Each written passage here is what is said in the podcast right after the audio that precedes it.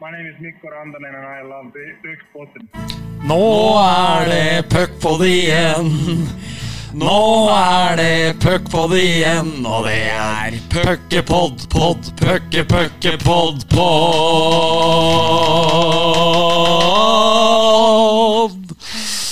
Ja, det er puckpod igjen, men vi har en litt uvanlig gjest i dag. Og vi kan jo høre hvordan det hørtes ut når han uh, takka ja til å komme hit. Ja, ja, ja, jeg kan komme til Hamar Arbeiderblad i morgen. Ja, ja, ja. Man må moské meg gæren ikke føle seg presse eh, på disse ja, ja, ja. Jeg kommer, jeg. Ja, Jan Michaelsen og Sveinung Fjelstad. Ja, ja. Holdt på med Europa. Ja, det var, det var jo selvfølgelig Skjelbæk i, i rollen som deg, eh, Ståle. Men eh, veldig hyggelig at du kunne komme. Takk for det. Vi må få et terningkast på, på parodien, Bendik. Ja, jeg har alltid vært veldig svak for den her av Marius, så jeg er nok oppe og snuser på en eh, sterk femmer der. Kanskje latteren er ikke helt treff, ellers så er det Syns jeg det er mange likheter og mange sånn særtrekk du sier òg. Men du er kanskje ikke så dialektsforvirra som han skal ha deg til å være. Nei, jeg er nok ikke det. Men eh, jeg var jo ikke Jeg var ikke helt rein på, på tysk, det var jeg ikke, så han har jo har noen poeng der. Men uh, vi har jo uh, sett på Instagram uh, at på, på B-laget sin Instagram-side at du høvla over Skjelbæk sin eh, parodi. Får vi, vi får ikke noe lignende her i dag. Jeg gjorde det kanskje, da. Til Espen Mathisen her. Ja, ja, det stemmer det. det stemmer det. Ja, i Glasgow, ja. Ja, ja, ja, ja. Nei, men han er jo, han er jo en god imitator. Men jeg, jeg syns jo han tar en del eh, bedre enn det han tar meg, da. Men eh, det kan jo være andre som syns eh, motsatt. Og han, eh, han er god. Den godeste Skjelbæk. Jeg hadde jo æren av å ha han på hæla både i, eller i hæla både i, i Køln og da han var en ung, fremadstormende liten uh, usikker journalist fra Hamar Arbeiderblad, så jeg, jeg har jo mye æren for at jeg tok henne inn i varmen og ga han noen gode sitater og gode intervjuer, så han skulle kunne bygge karrieren sin. For det, det, så, jo ikke, det så jo ikke lovende ut lenge, det der. Det gjorde ikke det. Nei, det gjorde ikke det. Det var, det var tynn suppe lenge. Ja, vi, vi sprenger jo stadig grenser her i puckpoden, Riksen. For ikke så lenge siden så hadde vi jo vår første duo. Det, det bydde jo på en del prøvelser i, i, det tekniske. Og nå har vi altså vår første gjest uh, uten noe utprega hockeybakgrunn. Hvorfor har vi invitert Ståle her i dag? Nei, vi har vel det for å nå enda litt breiere, og Ståle er vel det hotteste idrettsnavnet man har i Norge nå. Og når man da har han boende i byen her, og sånn så måtte vi nesten teste lykken, og det å få et ja fra Ståle der var jo stort for oss. Og nei, jeg syns det er naturlig å ta han. Og så vet vi jo at han er litt eh, hockeyinteressert òg, så da tenkte jeg at eh, da prøver vi. Vi skal komme mer inn på hockeyinteressen eh, til eh, Ståle etter hvert, men eh, som alltid så må vi starte med noen historier om gjesten, så da kan du bare fortsette å snakke du, Bennik. Ja, jeg kan vel alltids det. Det er historiene vi har om gjesten i dag. Jeg, kan kanskje ta den sjøl. I fjor, når min kjæreste var gravid, så satt vi i Elverum på sjukehuset der på en liten test på høsten, og da kom du rullende på skjermen. Uh, og da spør jeg Camilla, som han heter, om hun kjenner Ståle Solbakken. Uh, eller vet hvem Ståle Solbakken er. Nei, svarer nei, er han jevngammal med deg? Nei, han er rundt 50 og trener FCK. Uff, FCK, hva er det for noe? Så da skjønner du liksom ruta vi måtte gå. Og så liksom, nei, eh, nei det gjorde hun ikke, da. Men jeg har hørt om Petter Solbakken. blir det kontra med? Ja, hvem er det? Han rallysjåføren, vel. Ja, ja. Det er deilig med da har du en stor fordel av å komme hjem, da, så kan du slappe av litt fra idrett og Kobla. fotball og rally. Ja, med fotball og rally. Så det er, det er ikke helt det samme. Det er samme dama som trodde at Pål Johnsen spilte med Gullern for han hadde lyst til det. Ja, ja, det ser det. Ja, skal du følge opp med en til? Vi har vel en uh, fin en med Han ble jo nevnt i introen. Den godeste Sveinung. Ja, uh, den godeste Sveinung Fjelstad. Jeg har vært på informantreise, Ståle. Uh, Sveinung Fjelstad var jo kanskje ikke i sitt livs beste form da du ble HamKam-trener, og det går rykter om at du tok med deg han på en ordentlig løpetur. Eh, som en fysisk økt, og så runda du av med å be ordren til å måke snø i oppkjøringa di som en styrkeøkt på tampen. Er dette korrekt? Eh, ja, det er vel en sannhet med modifikasjoner. Altså, det var jo vel at, eh, at eh, Sveinung trengte ikke å bygge noen flere muskler, han trengte å få litt mer luft i lunga. Og så var jo de andre HamKam-spillerne De var på det gamle Gleditsch treningsstudio like ved Briskeby der og trente styrke. Og så sa jeg til Sveinung at det her skal ikke du, for du skal ikke bli større. Så vi løp en lang tur, og så hadde det jo kommet veldig, veldig mye snø. Så eh, da la vi den siste ruta, den la vi forbi, forbi eh, Solplassveien 26, og der sto det sto eh, snøspader. Så da sa jeg til Sveining at nå tar vi det her før vi drar ned igjen. Og han bare så dumt på meg, men han sa ikke et ord. Og så måker vi hele innkjørselen, og så kom vi løpende ned. det er sikkert det hadde gått dagens, eh, med dagens ungdom. Nei, det er nok mulig. Men du hadde litt tradisjon for det, får jeg fra informanten min, at de spillere som du mente ikke var i god nok form, de måtte rett ut på løpetur med deg. Er det noe du praktiserer fortsatt? Nei, var, det gjør jeg vel ikke. Men nei, vi hadde en uh, altså, Du må huske på at da jeg tok over HamKam i 2003, så hadde vi uh, Åkershagen var der vi trente. Tung, gjørmete grusbane, hvor nok de aller, aller fleste andre lagene hadde kunstgress, men det hadde ikke vi. og det var jo en lei vinter, og det gjorde at da måtte vi ut og ta noen løpeturer i stedet. Og noen og jeg fornærmer vel ingen og sier at det laget jeg tok over da, det var litt eh, De kunne slanke seg noen kilo, noen av, noen av hver dem, og, og, det gjorde de. Eh, så den kanskje jeg har dårligst samvittighet for, det er Ramiro Corales. For han kom fra USA, skråstrek Mexico, hvor hans kjæreste bodde. Og jeg hadde pratet litt eh, pratet med han på telefonen at han måtte komme sånn noenlunde i shape. for fordi at eh, gutta som møtte han, de var i shape.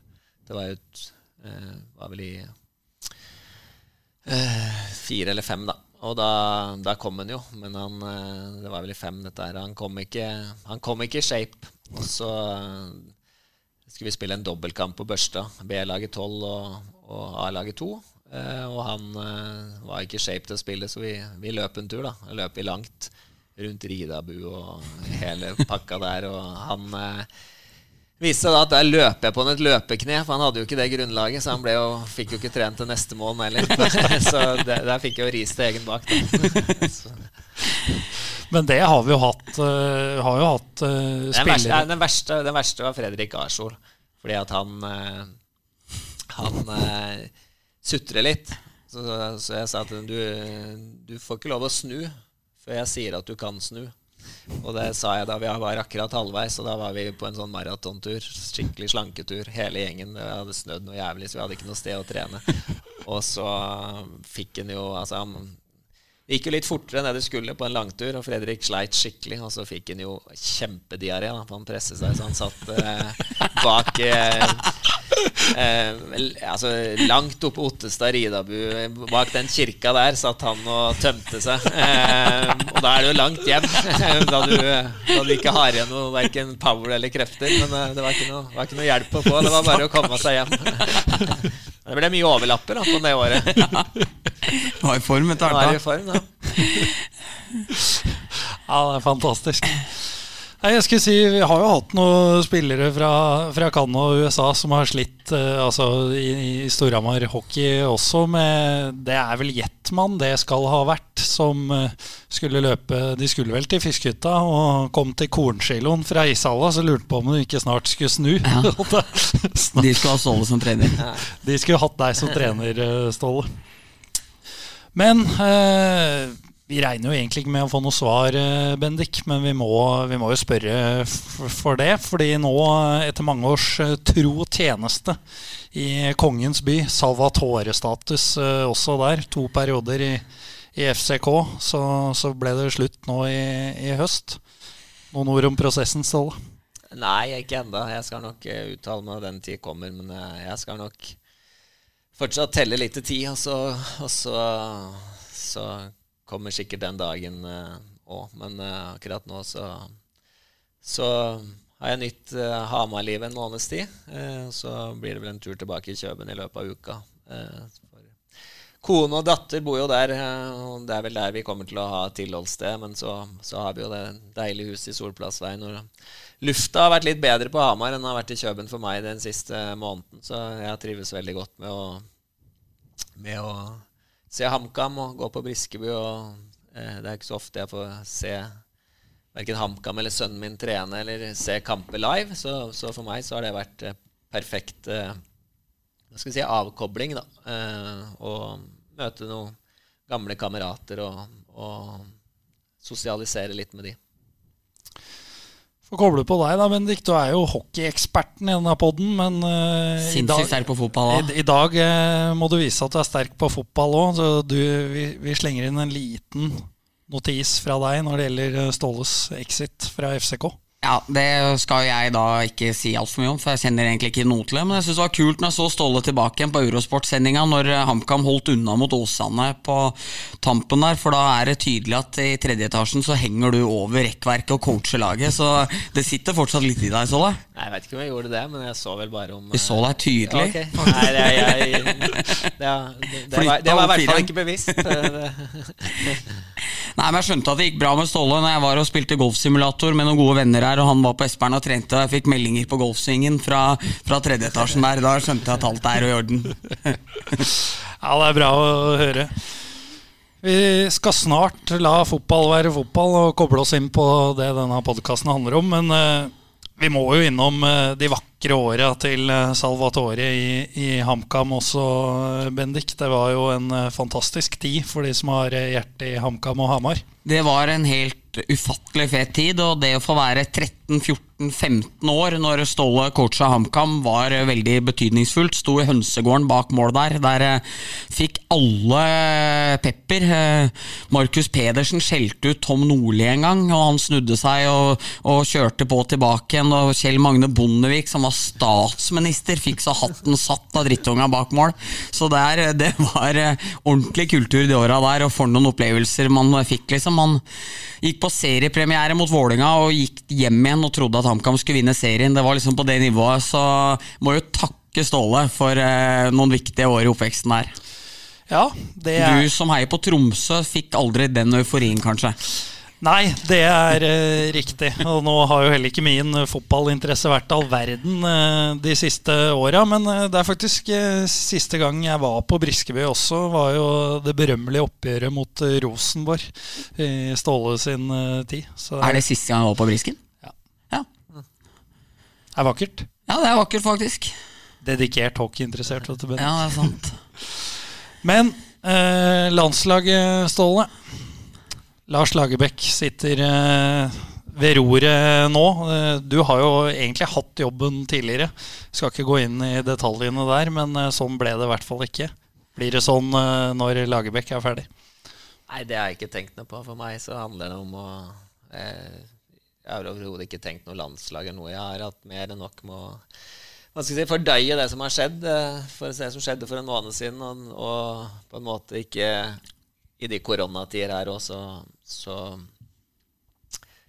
så har det liksom vært andre ting å tenke på. For meg så, så har jeg nytt godt av å se på idretten fra sida. Enten det har vært eh, Nå har det ikke vært noen landskamper etter at jeg, jeg, jeg fikk jo sparken dagen etter den Serbia-kampen. Eh, så det har ikke vært noen landskamper etter det, så jeg, det har jeg faktisk ikke tenkt noe på. Men jeg har jo sett mye internasjonal fotball og, og, og sett eh, mye lokalfotball, hvis du skal kalle det det. Er du interessert, da, hvis de eh, spør? Jeg, jeg, jeg er faktisk helt ærlig da jeg sier jeg har ikke Jeg har ikke vært der i det hele tatt. Nei. Forstår. Da legger vi den død. Skal vi snakke litt om hockey da, Bendik? Det kan vi godt høre. Ja, på kvartersmerket så er jo det fint. Og da har jeg i eh, notatene mine hockeyinteresse, spørsmålstegn, og eh, om du har noen favoritter.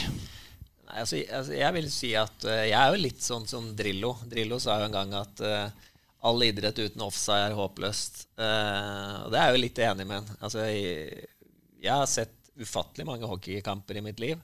Eh, I perioden hvor jeg bodde på Hamar første perioden. da Jeg tok lærerskolen og, og begynte å spille på HamKam. Det var jo 89 til eh, til og med 93, fem år, så tror jeg ikke det var så mange som så flere hockeykamper enn meg. Eh, og da jeg spilte på Lillestrøm fra, hvordan blir det da, fra 94 til og med 97, så var jeg jo en gjenganger på, på Jordal. Eh, spesielt da Storhamar spilte, men også andre toppkamper. Eh, så Og begge steder har jeg hatt Eh, eller alle tre steder da, må jeg si at jeg har hatt relativt faste plasser. I den gamle ishallen så sto vi på, sto vi på det samme sted stort sett. Og det var jo jeg og Skogheim som var, som var eh, de som alltid var der. Og så var det andre HamKam-spillere som var der dann og vann, men vi, vi var der alltid. Eh, også den nye ishallen så kom jeg alltid seint, og så satte jeg meg ned på de sponsorborda bak eh, motstanderens eh, boks.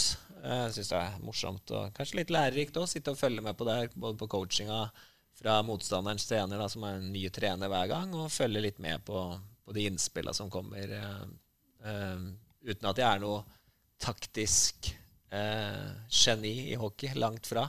Men jeg, jeg, jeg skjønner jo at det er to bekker og tre løpere, og at det er noen som spiller 1-3-1, og at eh, Altså Jeg har jo litt den der historikken, og jeg husker at George Kingston skrek 'shoot' da ballen eh, så fort pucken kom over, eller så fort de kom over. og husker Leif Borg sine overlevelsesturer, og jeg har god innblikk i og med at jeg vokste opp i, i Grue eh, med to uh, svenske kanaler og en norsk kanal, og sett Sportsspegelen, og har eh, alltid hatt god, relativt god innblikk på svenske hockeyspillere og svensk ishockey. Eh, Fulgt sånn rimelig med i NHL i eh, Da profilene var Forsberg og før det Gretzky og Lemieux og Var jo i Spektrum, og da det var eh, en av de som fikk billetter i Spektrum den gangen eh, NHL-stjernene kom dit da det var, eh, da det var streik. Så eh, 90-tallet og kanskje litt inn på 2000-tallet, eh, litt tilbake til 80-tallet, så, så er jeg ganske god eh, peiling på hockey og stor interesse. Og så er det dabbe litt av i kraft av at jeg har bodd andre steder, da. Eh, og kan du si i forhold til Storhamar, så, så har jeg jo hatt sesongkort i de siste mange år uten at eh, det er sønnene mine som, eh, som har brukt de. Eh, fordi jeg ikke har bodd der, og fordi at eh, du ikke har den samme nærheten heller da, som du hadde. Men da sluttspillet kommer, så følger jeg jo med. Eh, men du mangler kanskje den der lille nærheten til eh, spillere, at du ikke kjenner dem igjen så godt uten hjelm og sånn. Nå i det siste så har det tatt seg litt opp igjen, for da har Ole Einar kommet inn på laget, som er en uh, nabo som har vokst opp litt i huset vårt uh, uh, sammen med Markus. Så, så da, da får du naturlig litt mer sånn Følge litt mer ekstra med. God har han vært òg. Hvor, eh, hvor interessert er Markus i ishockey? Eh, han er nok eh, litt som meg. Ja. Eh, litt sånn av og på. Han, han, han også jo Var jo raskt inne og, og så en Var det en genial pasning Ole Einar hadde i en av de kampene òg, Mm. hvor, han viste meg på PC-en den pasningen. Så, så det, er litt, det er nok litt det samme. Ja, kult. Det er litt det samme. Og så er nok Sondre, den eldste gutten min, er nok den som har vært klart mest interessert i hockey av, av de to. Og, og vært på flest kamper og fulgt nøye med. Og, og som nok har litt mer innblikk og setter seg litt mer inn i det. Og, og har klarere meninger om, eh, om eh, både spiller og spillestil og klubber og det hele. Venn med en del hockeygutter òg. Ja, og har litt mer, vært mer, kanskje mer inn i miljøet fra innsida. Du nevner jo at du har sittet bak eh, borteboksen eh, osv. Bendik eh, var jo også en del der i sin ungdom. Men du, du satt vel ikke og studerte taktiske grep ut fra de historiene? som Jeg og? Shayan Saedi fikk Stig Myggen Johansen til å løpe opp på tribuna en gang. Og så beina vi inn i slusa og blei borte for den. Så, så vi drev ikke og studerte taktikk, vi sa stygge ting til motstandertrenerne. Ja, Eh, jeg, jeg husker jo veldig sterkt den tida i gamle ishallen. Det var jo sånn Uh, Alle de store kampene hvor det var helt smekkfullt, og du sto der litt, og så, og så gledet deg litt til det som da ble kalt Apeberget.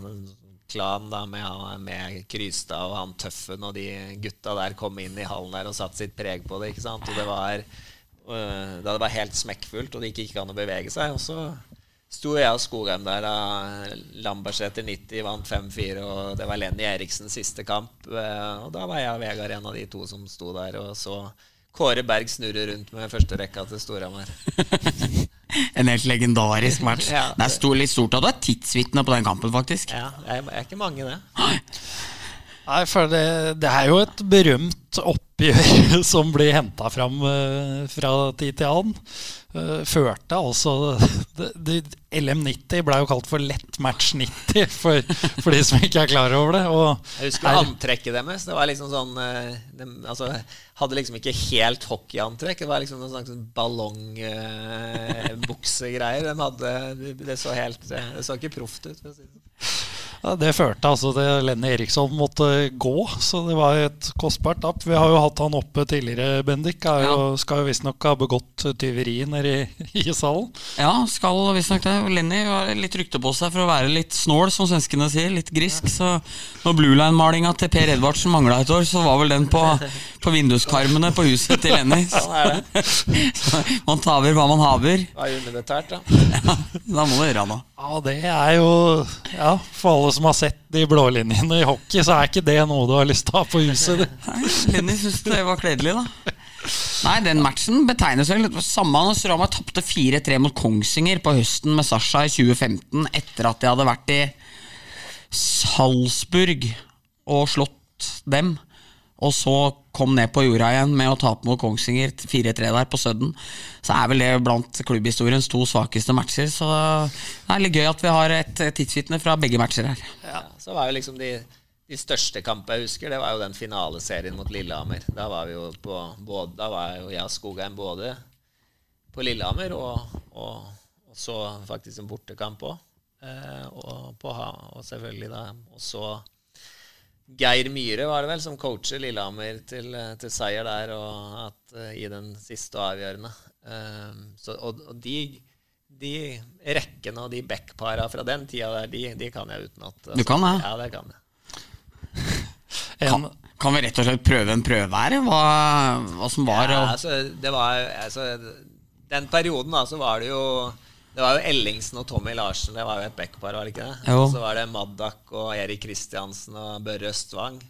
Det var jo ei rekke som ofte, ofte Så var jo Var det Koba? Jan Tore Rønningen. ble kalt Biffen? Biffen, ja. Ja. Nummer fire. Power. Ja, Ja, eh, det husker jeg godt. Og så etter hvert så kom jo Saltsten. ja. Eh, som kanskje var den mest elegante bekken, bekken eh, av dem alle. Eh, og så hadde du de der litt slitere i de eh, Claes Forfang var en tro sliter. Eh, eh, så var det noe Tidligere så, så var det jo eh, Per Arne Kristiansen var en bekk der. Tidligere Kjetil eh, Kristiansen spilte vel litt grann før den Ja. Så husker jeg Martin Aalberg kom med sin eh, huefinter, eller hva du skal kalle det. Hjelmen gikk i hvert fall fort. Han var eh, alltid farlig foran mål. Så hadde vi Rune Gulliksen, som, eh, som selvfølgelig var eh, den raskeste på skøytene.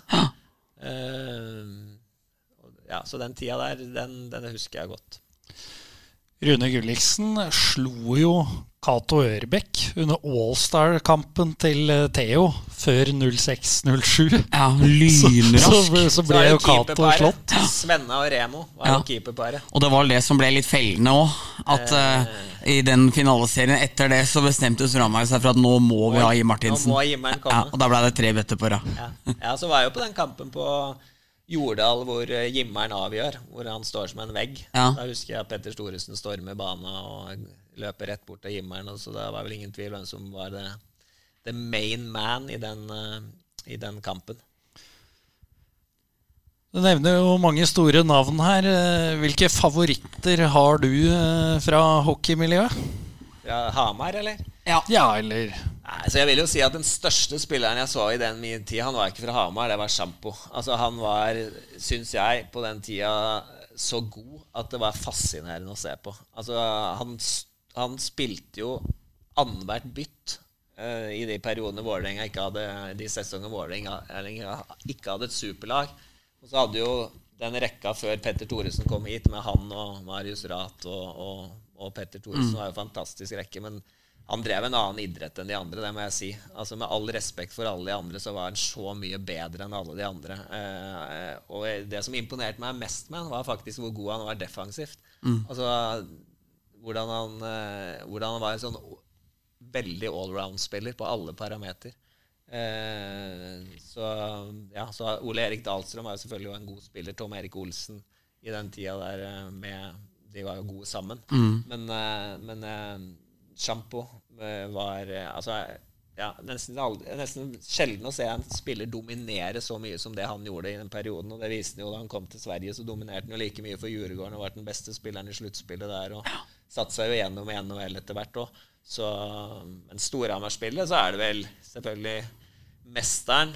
Eh, da han satt fart og skjærte inn rundt målet og tok backhand i motsatt. Det, det husker jeg jo. Og så syns jeg Maddak var en veldig undervurdert eh, lagspiller.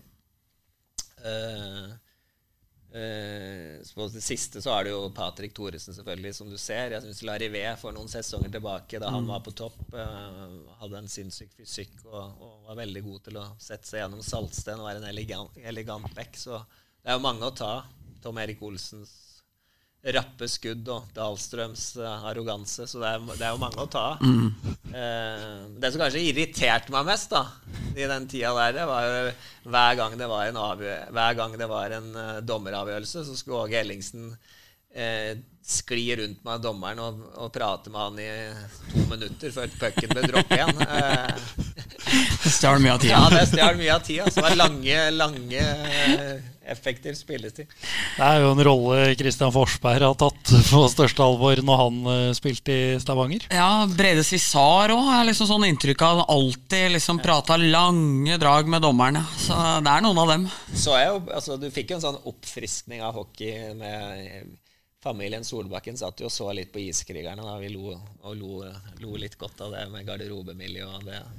Ja. Så, og så må jeg jo si at, uh, at uh, uh, Petter Thoresens trenerkarriere og måten, uh, måten, han har bygd lag på, har vært interessant å følge med på. Ja, for det Jeg skulle spørre om det, Solle, at uh, når Fredrik Søderstrøm var gjest i Østlendingen sin fotballpod, litt motsatt av at du er her, så prata han om det at han hadde alltid muligheten 40 sekunder etter at en spiller hadde gjort en feil eller noe han ville forbedre, eller noe, med å ta opp det med han.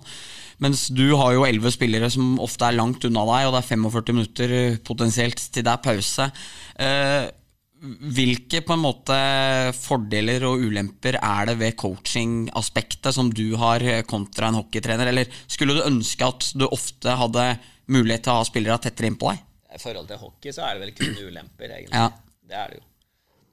Men eh, da må det jo altså, Desto større krav setter du til at spillerne kan spille din fotball, ditt system og din spillestil. Da. Og, og at uh, de kan i stor grad og eh, sjøl, ved min hjelp, men òg andres hjelp, uh, sette seg inn i de forskjellige situasjonene og være forberedt på det. For du kan ikke ta dem ut. Og, og, så, så, det er jo noe som, som du som hockeycoach kan, kan misunne, og som du kan dra stor nytte av. De små inputa. Eh, og så er det jo den der matchinga rekke mot rekke og mm. hvordan du gjør der, den er jo, er jo veldig interessant. Hvilke, hvilke, ting ved hockey er det du syns er mest interessant, mest fascinerende, når du, når du bruker din uh, kloke fotballhjerne? Hva er det du sy Eller hva er det med hockey du liker på en måte best? Det er jo mange likheter med fotball. Altså hvor gode er uh, Storhamar til å ta overgangene. Altså eh, hvor store sjanser tar dem? Eh, eh, hvor gode er de da de får kontroll på pucken i motstanderens sone? Det vi i fotball ville sagt mot etablert. Mm. Altså, da skal du òg spille mot forskjellige forsvarssystemer. Noen går kanskje mer mann-mann, noen dekker mer sone. Eh, eh, noen skyter mer enn andre. Altså, så, så det er jo mye av det samme. Eh, men selvfølgelig en annen idrett. Men mye av, mye av de samme tankemønstrene. Ja. Du nevner jo Petter Thoresen, Han er jo kjent som en engasjert uh, hockeytrener og, og, spiller når han var det, som også kan, kan fyre, litt, fyre seg litt opp. Uh, vi har jo sett en del klipp av deg også hvor du, hvor du har uh, hissa deg opp. Skulle, skulle du vært hockeytrener, Ståle? Nei, det tror jeg ikke skulle vært. Da måtte jeg hatt en, eh, en bedre hockeyhjerne. Men jeg hadde jo jeg, jeg, jeg hadde nok kanskje vært mer i miljøet hvis jeg hadde blitt boende på Hamar. For han mellomste min var jo faktisk veldig veldig god på skøytene. Eh, og var jo og var på hockeytreninger. Og da vi flyttet til Danmark, så var jo det eneste betingelsen han sa at han kunne bli med til Danmark, var hvis han kunne fortsette å spille hockey. Så han fortsetter jo å spille hockey der òg, men det var liksom ikke noe miljø rundt. Og det var bare han som spilte av hans kamerater, da, som Ja. kunne kjøre et stykke. Så det, så det, det ble ikke noe etter hvert. Så da hadde jeg antageligvis vært mer i, i miljøet. Men det er klart, da du bodde på Hamar på, på 90-tallet, så så hadde vi jo en sosial omgang. Ikke at jeg hadde noen nære kamerater i det miljøet, men vi møttes jo på byen, og vi så hverandres kamper nok mer. eh, Og, og ja, det var eh, da, da får du en sånn litt sånn annen, annen eh, et annet forhold til hele. For Jeg har inntrykk at forbrodringa mellom klubbene var sterkere før enn hva det er nå. Er det Ja, det veit jo ikke jeg, men, men vi hadde jo en ganske sånn eh, Jeg veit ikke si at vi En respekt for, for hverandre, da. Altså i forhold til, eh, i forhold til eh, det vi dreiv med. Altså eh, Så Og begge hadde nok på den tida var nok mer lik sportslig, kan du si. At, Ja. at eh, det var litt tippeliga eh, eller en del tippeliga. Eh, og, og Storhamar var jo ikke liksom én av to, tre. De hadde òg noen downs ikke sant? Ja. Hvor, de, hvor de måtte ned og fighte litt. Så vi hadde nok en sånn lik, eh, lik inngang på mer. for, Hvem var det som tok oppmerksomheten når Ole Eskil Dahlstrøm og Jan Åge Fjørtoft var på samme utested? Nei, nå var jeg heldigvis kommet etter Fjørtoft, og den eh, så gjørmebrytinga var ferdig da jeg kom. Men eh, Ole Eskil er jo, han er jo, har jo en fantastisk eh, evne til å formidle. Ja. Det, det hadde han jo da han var uh, jobbe i TV 2. fordi at det Hvis du hører etter da han var i, i TV 2, så var det jo, så var det jo hva skal vi si, var det jo noe kunnskap bak det. Og så ordlegger han seg jo på den måten han er født og oppvokst på. Ja, Ole er fantastisk. Ole er fantastisk. Vi får eh, snakke litt om uh, nåtida. Vi er jo inne i en landslagspause uten landskamper. Det, det har jo vært givende, Bennik. Ja, Det har vært veldig givende. Det har vært eh, deilig når du sitter eh, hjemme og ikke har all verdens å fylle kvelda med. Så er det deilig med, med litt landslagspause uten landskamper. For, for, for vanligvis er det jo litt tungt med disse privatlandskampene i seg sjæl. Ja, Men nå har det faktisk vært savna. Ja. Men uh, uansett, starten på sesongen har jo vært bra, den. Ja, for Storhamars del har eh, absolutt seriestarten vært bra. De har vært eh, veldig bra på å ta poeng i matcher der de ikke eh, kanskje har fortjent trepoengere. F.eks. mot Sparta, mot Narvik hjemme, som var fryktelig, og mot Frisk, som var en bra hockeymatch, der de kunne ha tippa begge veier. Så har de tapt poeng mot Stjernen og mangler kamper der de har vært for dårlig. Så jeg syns Storhamar har tatt de poengene de skal og henger med i toppen, og det har vært veldig positivt og gledelig med et så mye billigere og norskere lag som de har i år. Så terningkast fem ga TV2 Storhamar så langt, og det tiltredes herfra. Ja, det, det er moro å se at Jøse har fått sving på guttene. Koble på deg eh, igjen, eh, Ståle. Det er, eh, vi skal snakke litt om Stavanger Oilers, som har fått en blytung eh, start. Hvilke grep hadde du eh, tatt i Oilers-garderoben etter den eh, verste seriestarten noensinne? Det er klart at det, det er jo tungt av en så stor klubb, som ettersom jeg forsto på forhåndstipsa at de var tippet som den store favoritten. Eh, nå kjenner jeg treneren litt da, fra Danmark. Han har en veld, veldig lang eh, Altså ikke personlig, men altså, han har jo en veldig lang karriere karriere både som spiller og, og som trener i, eh, i Herning.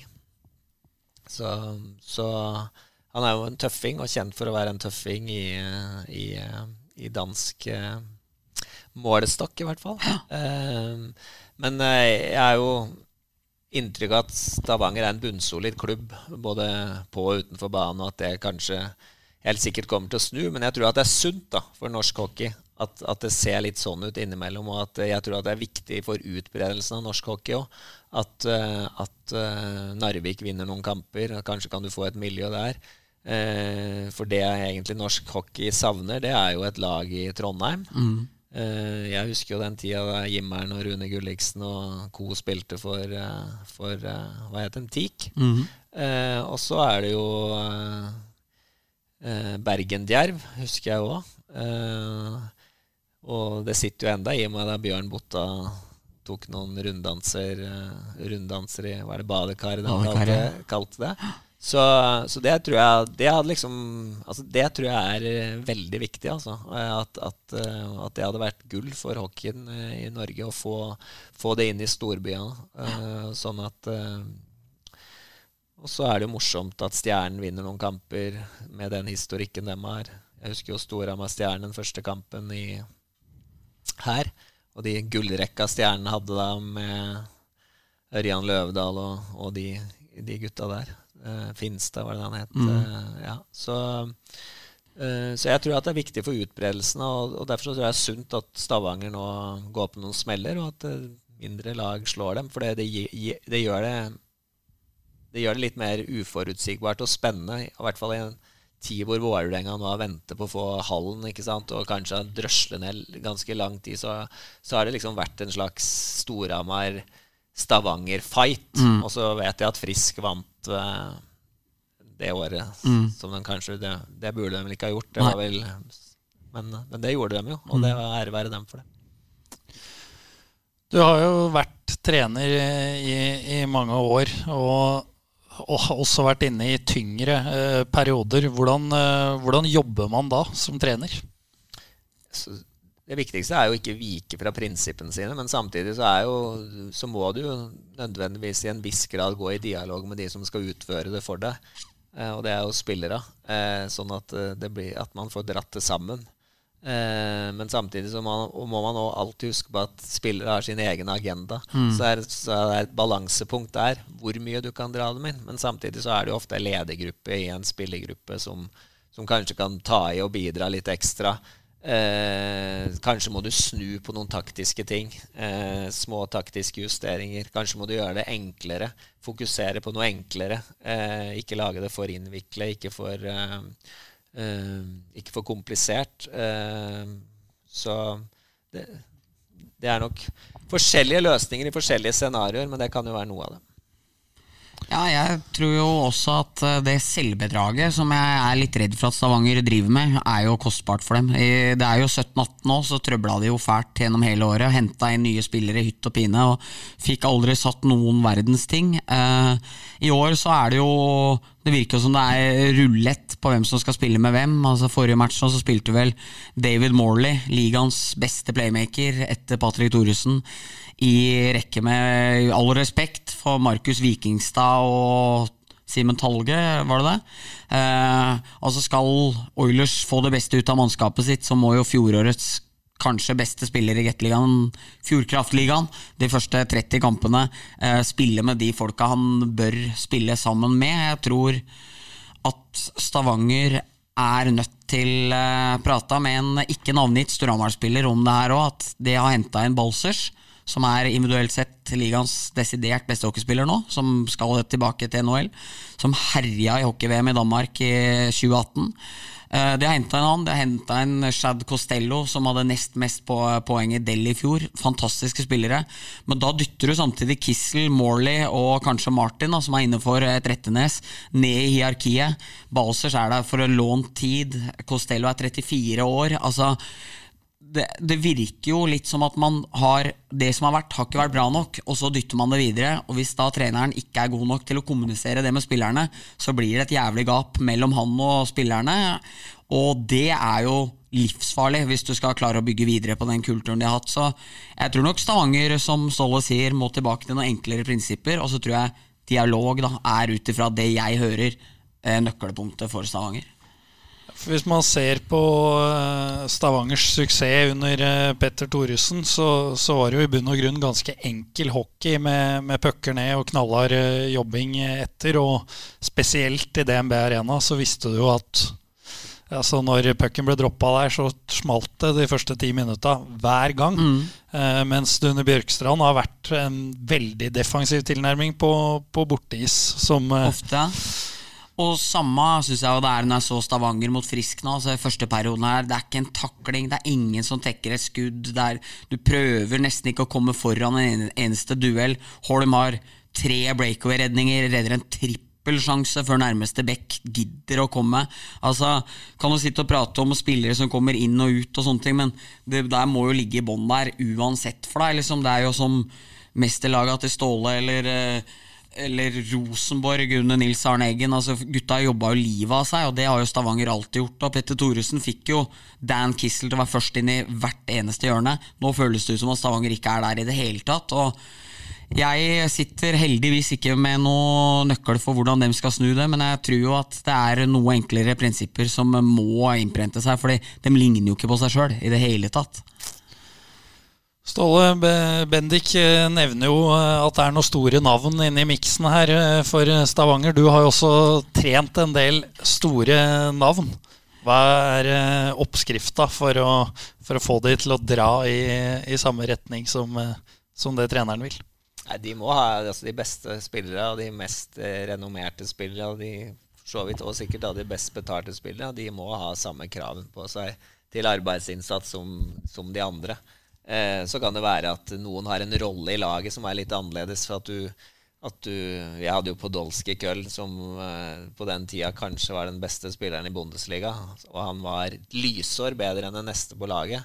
Og det gir jo noen ganger et problem. Eh, samtidig kunsten da vi hadde ikke noe spesielt godt lag, så det er kunsten da å få han til å jobbe de sju-åtte ekstra metera og, og gjøre sitt lille defensive Hva skal vi si eh, innsats, men samtidig eh, at du gir den følelsen at han er den viktigste og beste spilleren, og at han har overskudd da han får ballen. For vi var veldig avhengig av han.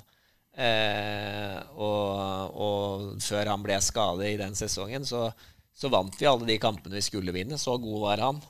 Men da er det jo, går det jo to veier. De andre ti må akseptere at han kanskje i noen situasjoner tar det litt mer piano i kraft av at han har det lille ekstra overskuddet for å være vår matchvinner. Men samtidig så må det aldri gå under ett nivå. Jeg husker at vi spilte borte mot Bayern München, hvor jeg måtte ta meg banen hvor, eh, hvor eh, det er siste kampen før jul, og vi har hatt en ok vårsesong. Eh, Du kan jo spørre han Skjelbæk, for han fotfølte meg, så han, vet akkurat hvor mange poeng vi hadde da. Eh, Så skulle vi spille borte mot eh, Bayern siste kampen før jul. Så blir Ribberi blir utvist like før pause, og det står 0-0 ved pause. Så gjør han midtstopperen vår, Geromel, en brasiliansk midtstopper som faktisk var i VM-troppen sist. Han gjør en kjempetabbe, så Bayern går opp i 1-0. Og da krever jo Altså, vi er 11 mot 10, men vi var bare ti mot ti. Fordi at han hadde bestemt seg at i, i dag så, så, kan jeg, så orker jeg ikke å løpe. Så det ble 2-0 til Bayern. Eh, så tok jeg jo annen banen, for da, da gikk det så Altså, altså det, det da, Hva skal vi si Da gikk pendelen Ja. for langt til at du kan akseptere som Ja. trener hva, hva han gjør. Selv om han at vi hadde fått et frispark på 25 meter, så er det på den tida 50-50 om han skårte eller ikke. Så, så god form var han i. Men som trener da, så må du på en måte beholde din integritet. De andre må ikke ha en spiller, må ikke ha en følelse av at det er han som han styrer det ikke. Nei. Altså det er jeg som styrer det. Og så blir det selvsagt ubehagelig. Eh, og du, du veit at nummer ti kommer opp på et fullsatt eh, Allianse Arena der, og du er jo ikke 100% sikker på om han kommer. For det har, det har jo ikke skjedd før at han har blitt byttet ut i køll. Og da, da ser han på tavla, og så han så på, ned på drakta liksom Er nummer ti? Ja, det, er det meg? Ja, ja det er deg. Er liksom, og så er det den lengste uh, Altså Det tar jo ett og et halvt minutt før han går sant? Og, da står jo jeg klar med hånda. Og da er han jo klar til å tenke sant, på den tida. Det er jo veldig dumt av han da hvis han gjør noe. Da tar han meg i hånda og går og setter seg. Men da, da, da står jo Og det er jo litt sånn de situasjonene du kommer i hvor jeg føler da at det er veldig, veldig viktig å ha den integriteten. Altså, I Köln, eksempel, så føler jeg at jeg og teamet gjorde en fantastisk jobb. Altså Selv om vi fikk sparken til slutt, så gjorde vi en fantastisk jobb. Vi holdt eh, en hel by, et kaos bak oss, en ledelse. Eh, Wolfgang Overath trakk seg som president, verdensmester i 1974. Så det var et valg bak oss. Eh, det, var, eh, den, det var en veldig vanskelig spillergruppe. Eh, det var eh, forskjellige Om det var tyskere, portugisere, brasilianere, tyskere Altså østeuropeere. Altså du skulle virkelig jobbe for å holde det sammen, men, men vi gjorde en veldig god jobb. og vi, Jeg syns vi gjorde maks ut av det, faktisk. Mens i Wolverhampton Der må jeg si at jeg fikk det ikke til, skjønner du. Altså, altså, altså, Vi solgte spillere for 300 millioner. Og så sa han eieren her har du 70 millioner. Du, men i England så får du ikke en middels uh, sjettedivisjonsspillere omtrent for 70 millioner. ikke sant? Så du må jo ut på markedet hvis du skal erstatte de tre-fire beste spillerne som vi solgte, og som er naturlig å selge da, da, laget rykker ned i Premier League. Så vi kjøpte jo noen spillere, men vi kjøpte fem spillere. Du kan si at Vi bommer på tre. Én er middels, én er god. Da gjør du, Som trener gjør du ikke laget eh, bedre. Men det jeg skulle fram til da, var jo at du, du står på den sidelinja der, så må du allikevel være tro mot det du mener er riktig, så ikke spillerne noen ganger avslører deg på at du eh, hører på noen andre, eller du går i en eller annen retningen. Og jeg skjønte jo hele tida at dette, det er touch and go nå, for det kommer et transfervindu i januar. Du har ikke hørt noe særlig fra eieren. Eh, du trenger kanskje to transfervinduer til for å klare å snu det her. Du, får du den tilliten, eller får du ikke den tilliten? Så spiller vi jo mot Ipswich eh, i eh, fjerde-femte juledag. Fullsatt Molyneux fordi at den gamle Wolves-manageren Mick McCarthy gamle irske treneren. Uh. Han trener jo Ipswich, og han kommer jo tilbake. Det er han jeg har tatt over for, selv om det var en caretaker-manager innimellom der. Så er det jo stort sett han som har vært der i fem, seks, sju år før meg. Det er stappfullt Molyneux. Eh, og vi ligger midt på tabell. og Ipswich ligger eh, eh, lenger ned. Altså. Men er på vei opp, og vi er på vei ned. Men det er en sånn, det er en sånn tens altså, altså, du merker at eh, all den goodwillen jeg hadde. da, Jeg hadde mye goodwill lenge. Den er i ferd med å smuldre litt. Og han kommer tilbake, og de vil gjerne ta han litt. Men samtidig så vil de òg takke han for det han har gjort. Men det som skjer, da, det er at Ipswich leder 2-0. Litt ufortjent, men de leder 2-0. Så sier jeg til Johan Lange, min danske assist-manager, at, eh, at vi må ta av kaptein Carl Henry og mm. visekaptein Kevin Doyle. Så sier Johan Er det så lurt, Ståle? Ja, men det må ha vært de to dårligste. Altså, han Carl Henry hadde en kamp, de som husker han, at uh, han klarte ikke å brekke beinet på noen heller i den kampen. Og det gjorde han nesten gode forsøk på hver gang. Uh, og så Så jo, står det jo to klare bytte, da. Og de to numra kommer opp. Så bak det ene målet står Ipswich-fansen. De synger you, uh, 'You're getting sacked in the morning'. Og bak uh, andre målet står Wolverhampton-fansen, og de synger 'You don't know what you're doing'. men, men, og, det og da er det jo liksom Det er jo 28 000 eller 29 000 på den kampen, og du, da er det jo liksom sånn at du blir jo blåst utover, da.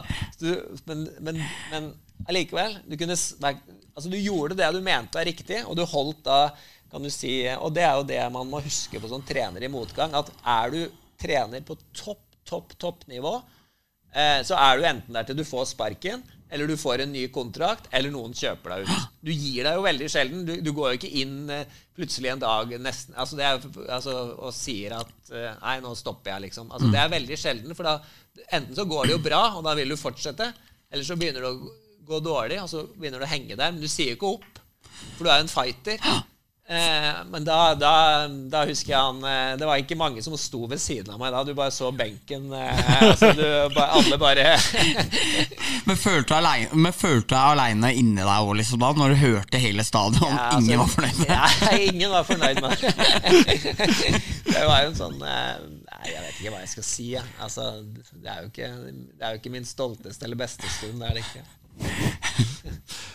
Men disse prinsippene som du er inne på. Da, det, det, er klart at Hvis du tar Stavanger-treneren nå Hvis han mener at eh, at, eh, at, han må gå kom, at han må gå totalt på kompromiss med det han mener er hvordan hockey skal spilles, Så klart Da skal ikke han trene laget videre. For han kan ikke stå og coache et lag på en måte han ikke mener er riktig, for da blir du avslørt. Du kan selvfølgelig gå i dialog, som Bendik sier, og justere, men du kan ikke flytte deg fra A til B.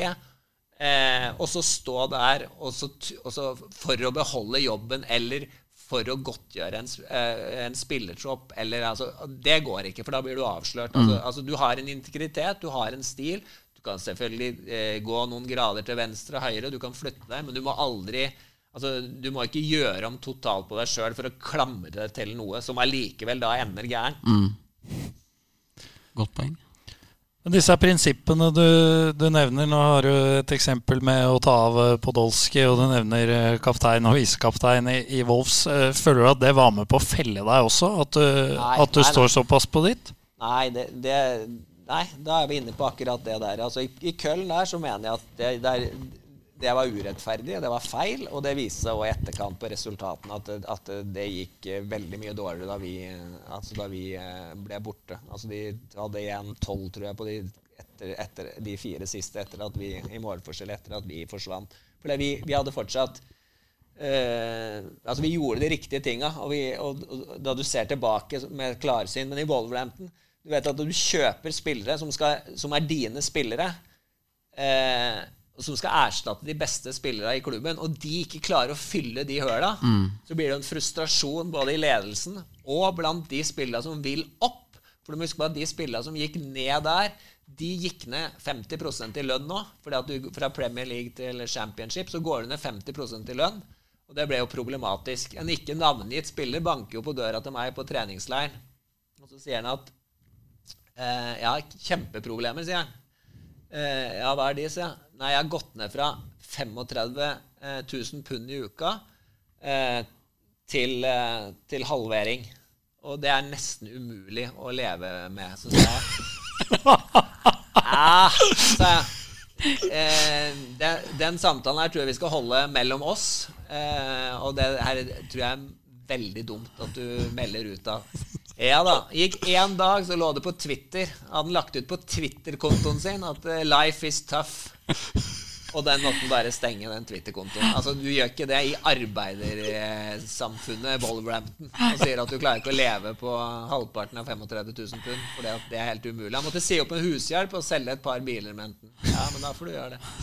Så på, på snaut 200 000 i uka så var det umulig å leve. Ja, det, det, det, det er sånn mørkt på. Det er sånn mørkt på. Ja, det, Men, men, men tilbake til det at, at, at der, da, du, da du Jeg vet ikke Da de spill, Da kan du si at de, de resterende spillerne i troppen, da De ser at de spillerne jeg henter de ser potensialet. Én ble stjernespilleren og var matchvinneren vår, Sako. Men når du ser noen av de andre som, eh, som ikke klarer å fylle den rollen, så blir det òg en litt sånn mistenksomhet mot meg. ikke sant? Altså, Så du ikke det før?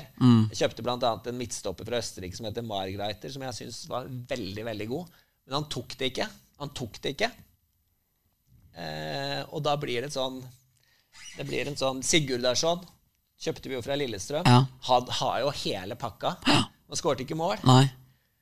Og, og da blir det Og, og det ble så, så, Og da, det faller tilbake på meg, ikke sant? Og da skal du Så, så den, den, må vi, den må vi ta.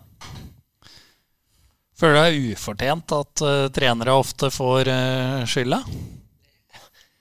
Ja, men da kommer du jo tilbake med den gamle at det er lettere å sparke igjen enn 20-25. Og, og jeg tror at hvis du er topptrener på det nivå, at du kommer opp på et visst nivå, så må du akseptere det. Og, altså, det fins jo ingen som nesten ikke altså, Du kan ta til og med Klopp sine seks, sju, åtte siste måneder i Dortmund, så, så, så var det jo bare å Altså, vi, vi sparker deg ikke, men etter den sesongen her, så slutter du. Ikke sant? Altså, så, så det kommer jo til et punkt altså Det er vel kun Guardiola som, eh, som, ikke, har, eh, som ikke har vært inne i den runddansen. Altså, eh, Morten Olsen, en legendarisk dansk landslagstrener, han sa følgende til meg da jeg var på i 10-11, da vi spilte mot Barcelona og var i Champions League. og jeg følte ikke jeg hadde gjort en feil som trener ennå. Liksom, og trodde jeg, jeg trodde jeg var verdens beste trener da jeg dro til Köln. Helt, altså, og da husker jeg Morten Olsen sa til meg at, eh, eh, du er ikke noen, du, du, er, du er ikke noen trenerståle før du har fått sparken et par-tre ganger. Altså, da først har du forstått alle mekanismene, og, og, og det er nok noe i det. Altså, jeg følte meg helt ufeilbar da jeg dro til Köln der, men jeg møtte jo en verden som, eh, som jeg ikke var i nærheten av å, å skjønne hva innebar. Eh, altså, det var brå læringskurve, altså. Mm. Ja, og f før vi går videre da, så tenker jeg at vi, vi runder av med litt historie fra Køllen, eh, Ståle.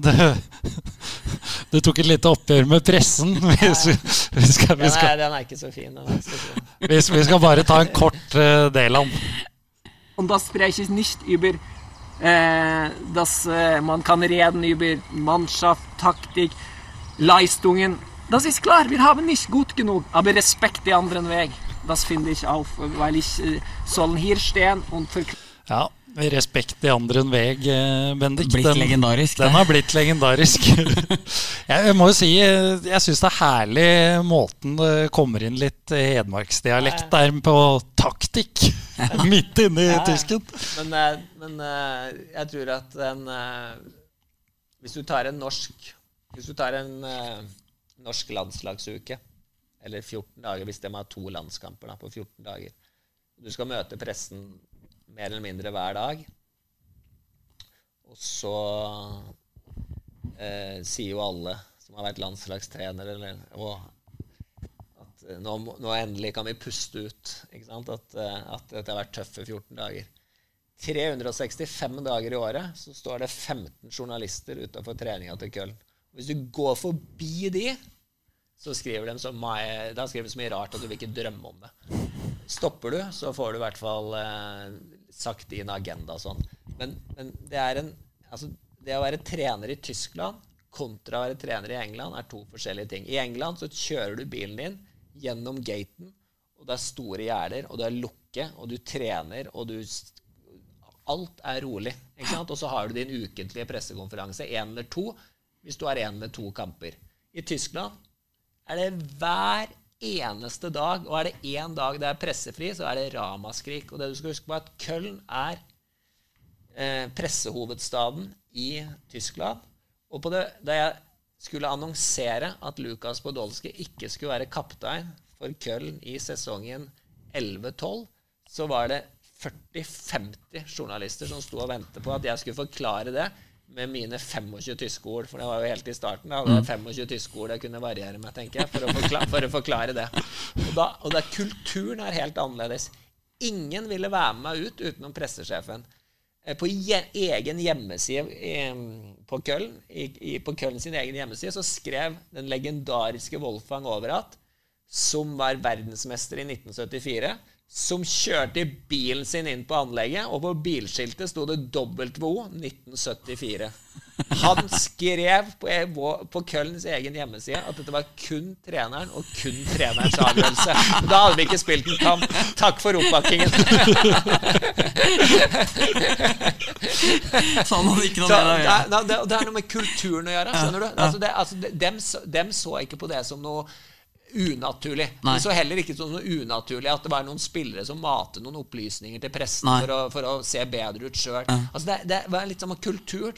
Og, og da du kommer ny og er uforberedt på det, så skal du, det skal du fort inn i. Altså. At, at, her, eh, at, her, eh, at sportsdirektøren eh, sto i pressesonen og sa at det er jo ikke min feil at treneren ikke bruker spissen. Den Ja. spissen der, liksom. Altså det, du skulle takle alt det der. Ja. At det var en del av kulturen. da At det, det der å fighte litt med hverandre og sånn. Men det oppgjøret her, jeg husker det jo selvfølgelig, men det tallene kommer jo nå at det er jo en avis som har brukt en journalist som du ikke kjenner, Riktig. som, å som jeg aldri har sett, til, til, å, til å skrive en artikkel Om at- anonyme kilder. Om anonyme kilder ikke sant? Også, så det var anonyme kilder på anonyme kilder på en som ikke. Ja. Ikke sant? Og da, da har det stått 15 20 lokale, i hvert fall 15 lokale reportere hele året. Ja. Og jeg kunne ikke få tak i verken én, to Å, ja, ja, ja, altså, ja. Jeg visste Og da, det hadde hun til og med skrevet at vi hadde fått sparken. Ja. Det hadde vi jo ikke. Nei. så, så det var jo bulletin, hvor jeg fikk telefoner fra hele Norge. og Bård Wiggen og Stenersen og Patrick Weiser, som var min tyske assistent, at skal vi ikke komme på trening i morgen? Nei, hva snakker dere om? Nei, men Det er på nyheten nå. Rulle, var det jo. så, Men det, det var lærerikt, og det var en fantastisk opplevelse. Det skjønner jeg. Det er synd vi ikke får med. så er jo Köln har jo et godt hockeylag. Det er god hockeykultur der. Fantastisk hockeyhall. Har du det? Ja. Kölner Haie, er det ikke det? ja. Der har jeg vært og sett én kamp, og det er, det er virkelig bra, altså. Så, og de har tradisjoner òg. Eh, årsmøtet til eh, fotballklubben Köln ble holdt inne i den hallen. Eh, og da er det, Noen ganger så er det jo dramatikk på årsmøtet til Storhamar, men der var det 10 000. 10 000. 10 000! Ja, da, da må du ha litt uh... Ja, det blir noe annet enn oppe i Vrimle Oppe i VIP-rommet i tredje etasjen her. Du må stålsette deg litt hvis du skal mene noe òg. Ja, men. Wolfgang Overath, som jeg sa, han trakk seg på det årsmøtet Ja. foran 10 000 på grunn av at eh, han hadde funnet ut at noen som hadde skrevet noe dritt om ham på internett. Han levde, han var, Det fant han seg ikke i. Ja, da blir det vanskelig. Eh, nei, som jeg skulle begynne å si, det, det er jo synd at vi ikke får med oppgjøret med FCK også, men det, der får vi la større medier eh, slippe til, og så får Sånn vi komme til ved neste korsvei. Men vi skal ha noen faste spalter, eh, Bendik, Ja. og vi skal ha ukens røver. Jeg eh, gleder meg til eh, Ja. det du har å by Ja, på. han er stor i dag. Det var jo den legendariske mm, Den legendariske pucken Nei, kiosken Pucken som sto utafor ishallen. Der har jo alle Der har alle barn og unge kjøpt snus i ung alder, og alle har stjålet litt, og alle har hilst på kano. Der har det vært mye spilling på automat, og, og ikke noe 18-årsgrense, og ikke noe kameraer og ingenting. Så der var det fritt vilt, og en institusjon for alle oss barn som er oppvokst med hockey på Hamar vest. Så var det en eh, trotjener som hadde mange timer på pucken, som bestemte seg for at han skulle rane pucken. Så han hadde malt eh, vannpistolen sin svart. Trekk deg eh, finlandshette over hodet, og så kom han dundrende inn på pucken. Da Kan står og lager mat, så snur han seg mot den. Naturlig refleks er jo at du blir litt redd, men da han her ble kalt for eh, ja, skal vi si Kowalsjuk, han som kom inn her, så snur han seg rundt og så sier han Så sier jo han tyven at eh, dette er et ran, og så snur han seg rundt så sier han «Å, Hold kjeft, da, Kowalczyk, og dra deg ut av kiosken min! så gikk med, gikk med uforrettet sak. Ja, det var ikke mye ballast som raner, da. Nei, det var, det var bare å komme seg ut. Ja, Legendarisk sted. Bøken. Veldig legendarisk sted. Første folk tok opp med oss når vi kom til Furuset også, som unge håpfulle Bendik, var jo det om pucken fortsatt besto, Ja, ja, ja. det gutta lurte på. Ja. En institusjon i norsk hockey, får vi si. ja. Vel, vi ruller videre med de faste spaltene. Vi skal uh, rose folk eller ting litt, og vi skal sage. Det er uh, selvfølgelig ukens kaktus og ukens blomsterkvast. Ja, skal vi begynne rett og slett med en kaktus denne uken? Det har jo vært eh, valg i eh, USA, som eh, mange sikkert har fått med seg. Og i den forbindelse så er jo både forskjellige eh, artister og hockeyfolk og det ene med det andre vært ute og gitt sin støtte hit og dit. Og MMA-folket var jo tidlig ute og støtta Donald Trump, men det kan vel ikke forvente stort annet etter du har fått knyttneveslag og kneskåler i trynet i årrekke, at du er eh, at du, du gjør noe annet. Men eh, vårt kjære ikon Bobby Orr gikk jo da ut i en helsides annonse og støtta mannen med store fascistiske synspunkter, Donald Trump, og syntes det var riktig at han fikk fire nye år. Når du sitter i Massachusetts og i et stort demokratisk sted der Kennedyene er konger, og du fortsatt støtter en eh, moderne Mussolini, så syns jeg det er jævlig flaut for eh, hockeyen som sport. Eh, Så det var leserinnlegg som ble delt flere hundre tusen ganger her, om at hvis noen spør nå hvem som er den beste bekken gjennom tidene, så vil i hvert fall vedkommende svare Larry Robinson eller Niklas Lidstrøm, for Bobby Orr var totalt død. Så jeg jo mener at etter det her så må man starte en ny regning. Øh, Hvis du skal regne hockeyspillere med fascistiske holdninger, så vil Bobby Orr være helt der oppe. Skal du ikke gjøre det, og ekskludere dem, så vil jeg si at Niklas Lidstrøm har tatt steget opp til å bli den største bekken gjennom tidene for uh, folk som diskriminerer raser, legninger Foran Fettisov. da. Ja, foran Fetisov òg.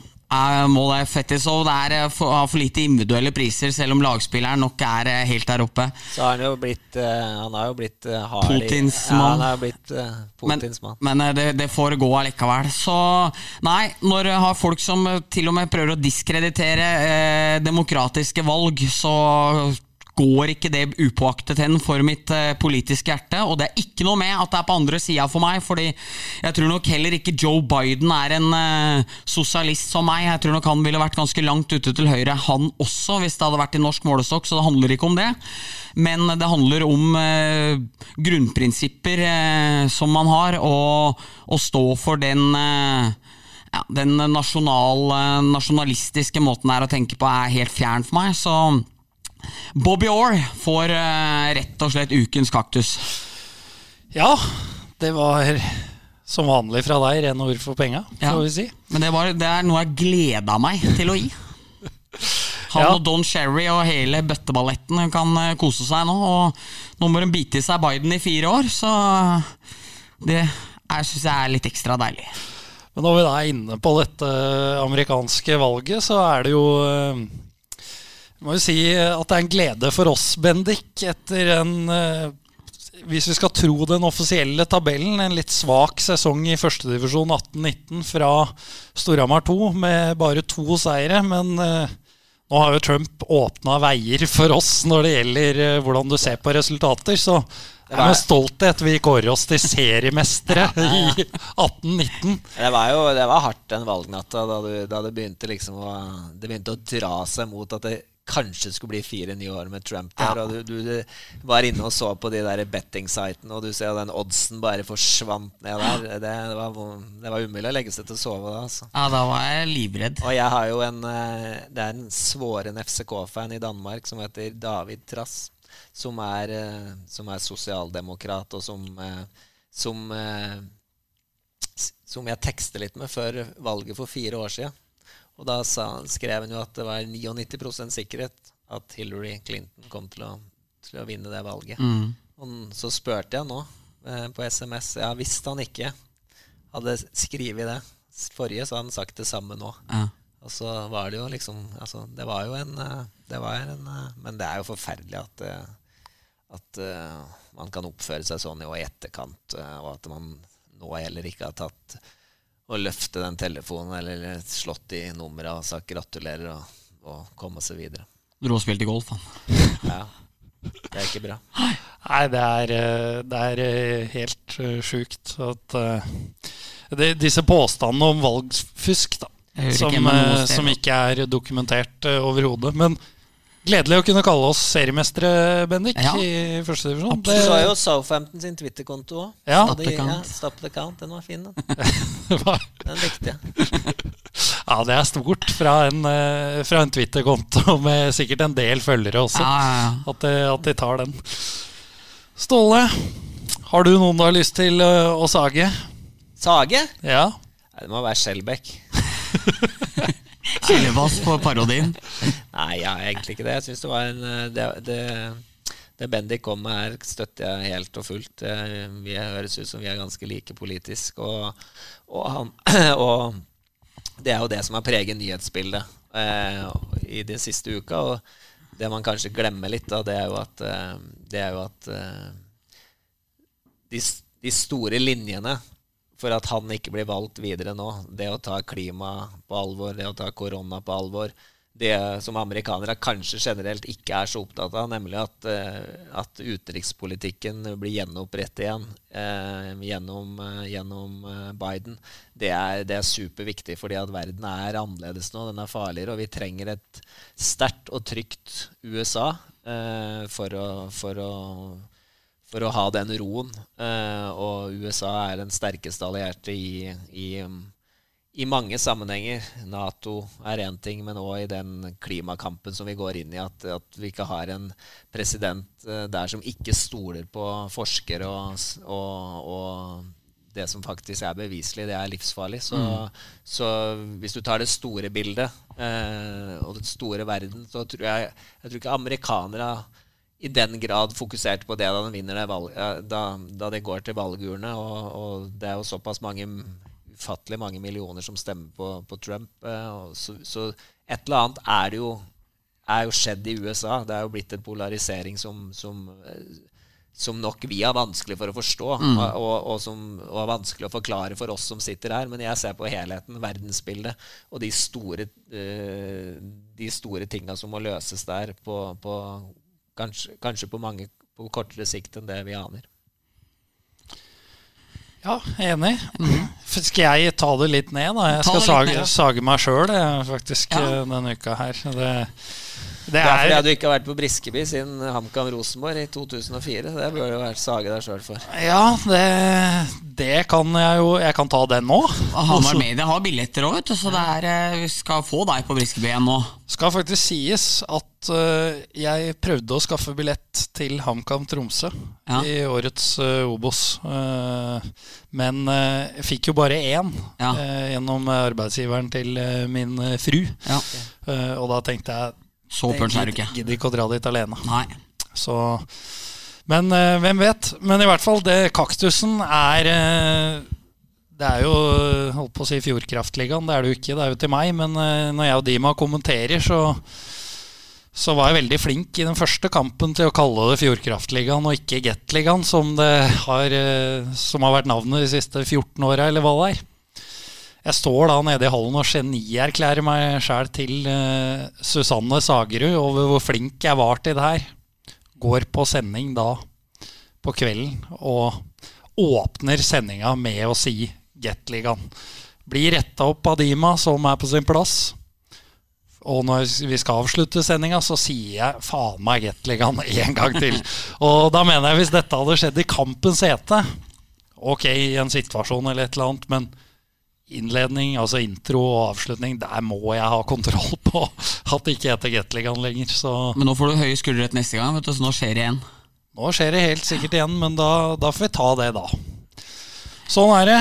Skal vi være litt hyggelige på slutten? Ja, det skal vi være. Eh, Jeg hadde først eh, tenkt å gi Sjur Robert Nilsen eh, litt blomster her for sin vanvittige sterke tale og tirade egentlig om alt som var galt med norsk hockey eh, etter tapet mot Strama sist, eh, der han da passa på å ikke bruke det som unnskyldning for det tapet. Den var sterk, men eh, jeg gjør ikke det. Jeg tar et tips videre fra kokos til kålrabi, som podkasten heter. Odd Magne Doseth om Vålerenga. For eh, folk som oss som er veldig glad i Storhamar og Vålinga, og oppgjørene de var mot hverandre og fortsatt for så vidt er, men 90-tallsheltene Vegard Barli, Øystein Olsen, eh, Bård Sørli, Tommy Lund med andre sitter en times program med han og prater om gamle dager, og det er så mye nostalgi og så mye moro som jeg vokste opp med. Jeg husker jo når Storhamar tapte mot Vålinga da jeg var 12-13 år. Hylgren og sparka i søppeldunker og holdt på. og Det er så gøy å oppleve det fra dem side igjen. Så et lite podtips hvis du syns vår pod er bra, så kommer du i hvert fall til å synes den her er bra. så Odd Magne Doseth og fra kokos til kålrabi. Navnet er kanskje ikke terningkast seks, det må jeg faktisk si, men podden er drita bra, så hør på det, folkens. Helt enig. Det er uh, fantastisk. Ja, det er så kult. Ståle, har du noen du har lyst til å dele ut en blomsterkvast til? Eh, nei, altså Vi må jo Selv om dette er en uh, hockeypod, så må vi jo dele ut en blomsterkvast til, uh, til uh, styreleder Rune Strand, uh, syns jeg. Som i det kanskje vanskeligste året HamKam har hatt, både, både på og utenfor banen, har gjort de riktige tingene. Og samtidig beholdt alle menneskene rundt klubben, sånn at alle er delaktige i det. Fra Rekdal, som selvfølgelig har vært sjefen for snuoperasjon, men òg Espen Olsen, som har gjort et veldig godt transfervindu. Frigård, som har vært en, en enorm entusiast. Og Riise, som har vært den rolige. Eh, og Rune på toppen. Så jeg syns jo det har vært en eh, Jeg er ikke helt sikker på at eh, da jeg så Strømmen eh, HamKam eh,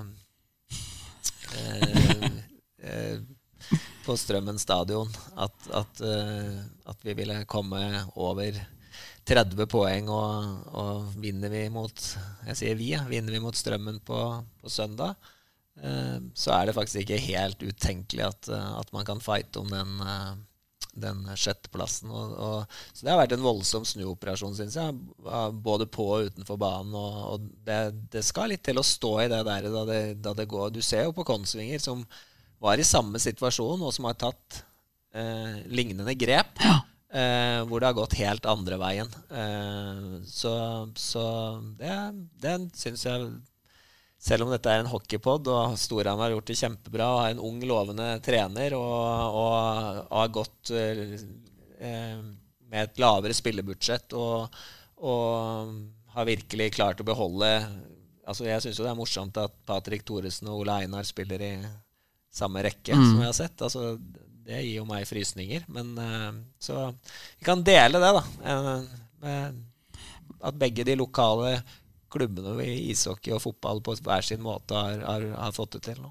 Og var eh, Nystuen starter den der Eurosport-dokumentaren med å si det, det minner jo fryktelig om Sunderland til ei deg, det her nå. og det jo- og det gjør det der nå. Ja, og det er, men det er jo fant er, Jeg så faktisk den der, syns jeg var veldig bra. Faktisk. Ja, det var bra. Stormoen, Ja, veldig, veldig bra. Veldig bra. Jeg så faktisk det. Og, da, og jeg syns jo at uh, altså de Den, uh, den Sunderland til Aidai, det er jo liksom Det er jo, det er jo vondt på mange måter. Da gutta sitter på og skal gå gjennom, og de skal scoute noen spillere, og så står Zlatan øverst på den ene lista der. Liksom. Er, du har et stykke å gå da. Det, det, det, da sitter ikke organisasjonen helt ennå.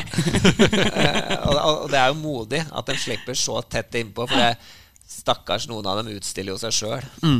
Det vet de jo ikke, sannsynligvis. Men, men, eh, Jeg må jo si at det For i England holder jeg jo med Newcastle, så sånn sett så er jo Sunderland til deg en eh, gledelig dokumentar. De møtte vel opp en 5000 Newcastle-supportere på en juniormatch òg, bare for å synge ja. 'We Saw You Cry on the Netflix'. Jeg har jo vokst opp med et enorm rivalisering til, uh, til Konsvinger, altså fra Grue.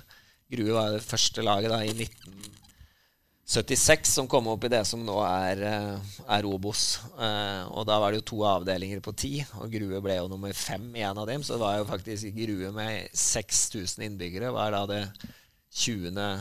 Altså blant de 20 beste lagene i Norge. Ikke sant? Altså Det er jo helt ufattelig. Og da, kom, da slo de jo rykke dem opp foran Konsvinger. Og i aldersbestemte så var det jo alltid sånn skikkelig rivalisering. Og vi dro opp til Gjemselund da vi ble litt eldre og håpa at, satt der og håpa at motst holdt alltid med motstanderen. Altså, det er akkurat som på Lerkendal, med noe som heter Heia bortelaget. Ja. Som studenter så satt vi jo der og håpet. Men så um, var det noen av mine gamle kamerater de er jo, eh, som fortsatt bor i, i Grue og omegn, da. de har jo aldri sluppet det taket, og det er jo ikke jeg heller. altså Det er jo sånn det er. Men, men vi vokser jo opp, og vi er jo Uh, En sønn av en kamerat av meg spiller jo på laget, jeg har hatt kamerater som spiller der, så det er jo ikke Men, men det var jo rykker ned i annendivisjon forrige gang, så har du jo alltid den der plakaten utenpå Gjemselund. Der, der står det Kiel strek, og så er det jo motstanderlaget. Ja. ikke sant? Og der har du mange år til Grueguttas irritasjon stått. Rosenborg, Viking, Lillestrøm. Ja. ikke sant? da? Men da var gutta der og hang opp Brane. Kiel neste kamp. Kiel Brane. det er Roverud, ikke sant. Det er 14 mennesker.